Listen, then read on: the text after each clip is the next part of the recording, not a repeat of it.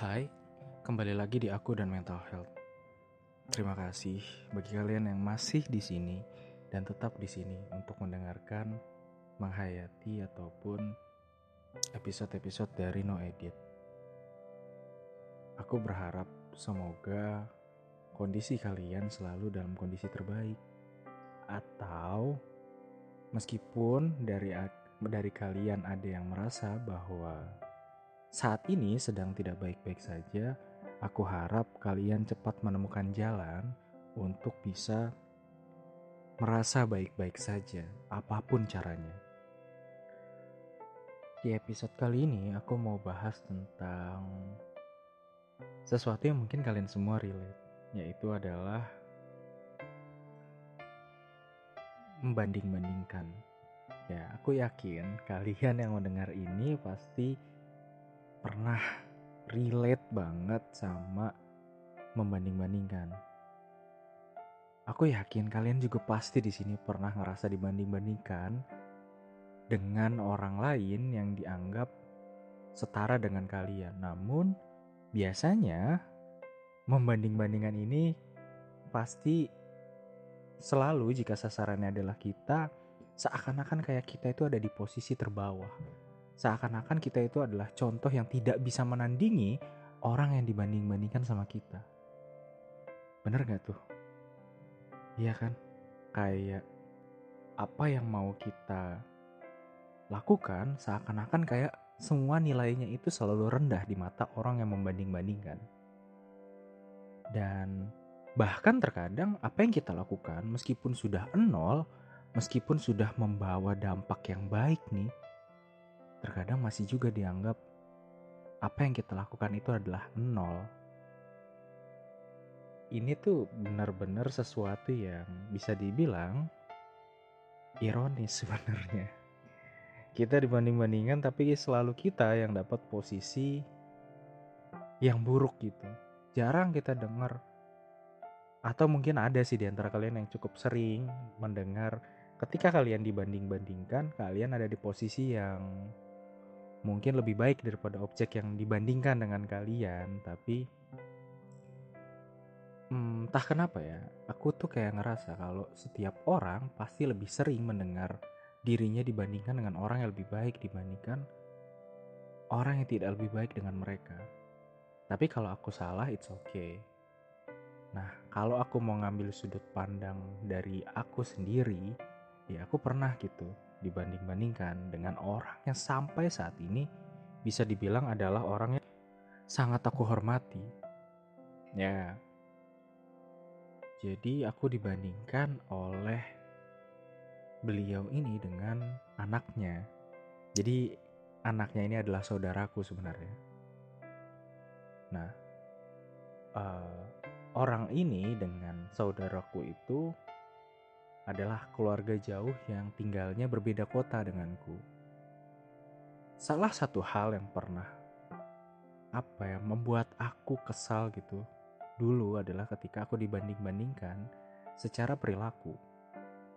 Jujur, aku ada di lingkungan yang pertama secara ekonomi itu tidak begitu bagus dan aku ada di lingkungan kultur kota yang anak-anaknya itu secara apa ya secara omongan itu sangat besar kemungkinannya untuk berbicara kasar, berbicara kotor gitu.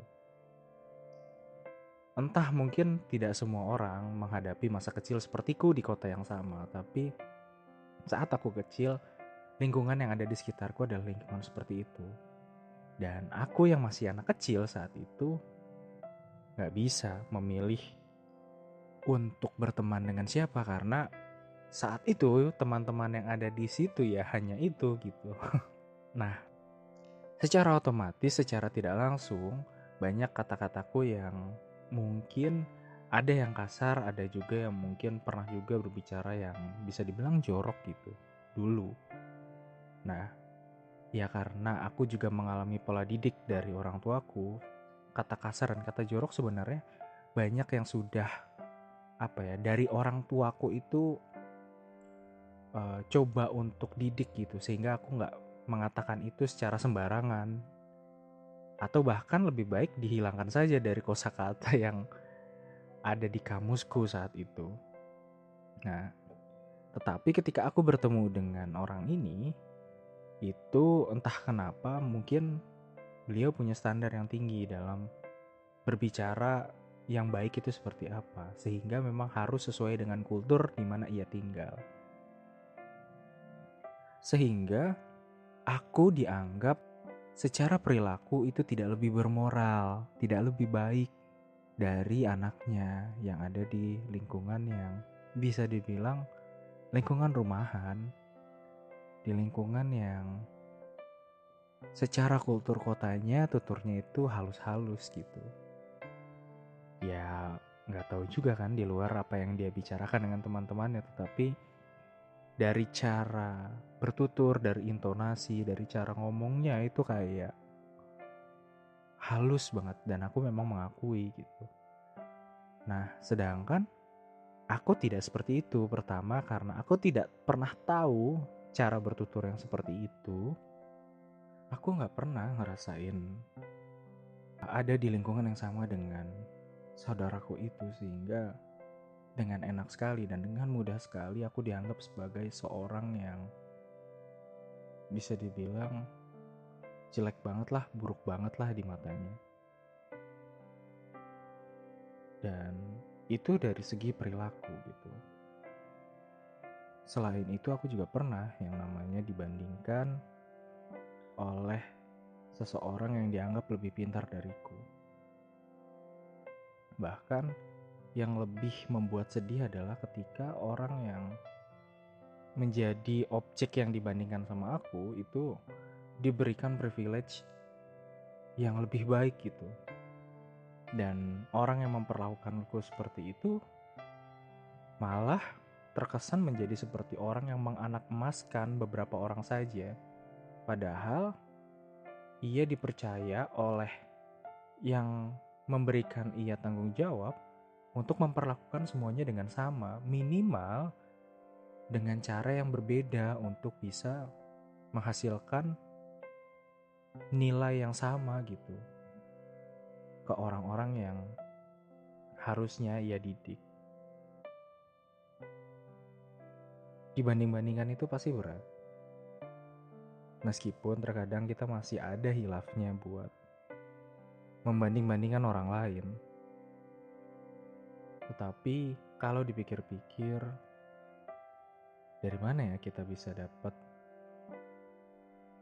kesabaran untuk bisa menahan semua kata-kata yang isinya itu membanding-bandingkan kita dengan orang lain. Terlebih kalau membandingkannya itu kita ini ada di posisi yang lebih rendah dari yang dibandingkan. Karena kayaknya kita nggak bisa mengontrol apa yang ingin dibicarakan oleh orang lain. Setiap kata yang keluar dari mulut orang lain, kita benar-benar tidak memiliki kontrol. Benar-benar tidak memiliki kontrol. Bahkan kita tidak bisa memprediksi sekarang ia lagi berbicara soal apa, nanti ia akan berbicara soal apa. Sehingga kayaknya memang jalan paling benar adalah dengan cara mendewasakan diri kita. Menganggap bahwa dibanding-bandingkan itu sesuatu yang akan datang tiba-tiba dan pasti akan datang sampai kapan pun itu. Bedanya adalah ada yang akan sampai ke kuping kita ataupun tidak sama sekali sampai di telinga kita. Dan aku pikir kita memang harus menerima untuk dibandingkan. Kita harus menerima bahwa mereka pasti akan melakukan itu. Tetapi yang harus kita sadari bahwa diri kita belum tentu 100% sama seperti perbandingan mereka. Kita memiliki sesuatu yang mungkin tidak mereka ketahui, yang itu adalah kelebihan. Dan kita bahkan tidak memiliki kekurangan atau keburukan yang seperti mereka pikirkan karena mereka tidak mengenal kita. Tetapi bayangkan jika suatu saat kita berada dalam posisi yang lebih baik dari saat ini.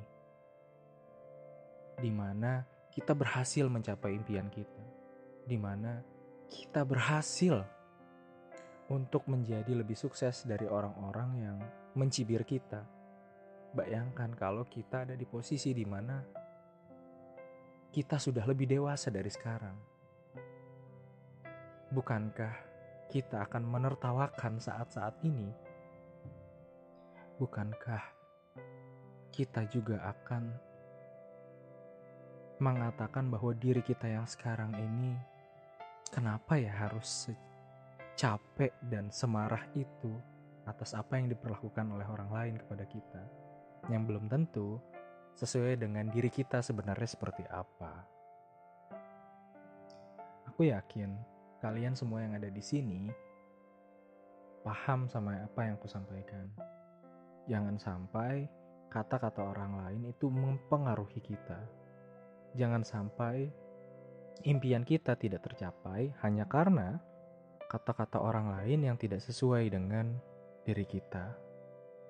Terima kasih bagi kalian yang sudah mendengarkan episode dari Menghayati kali ini.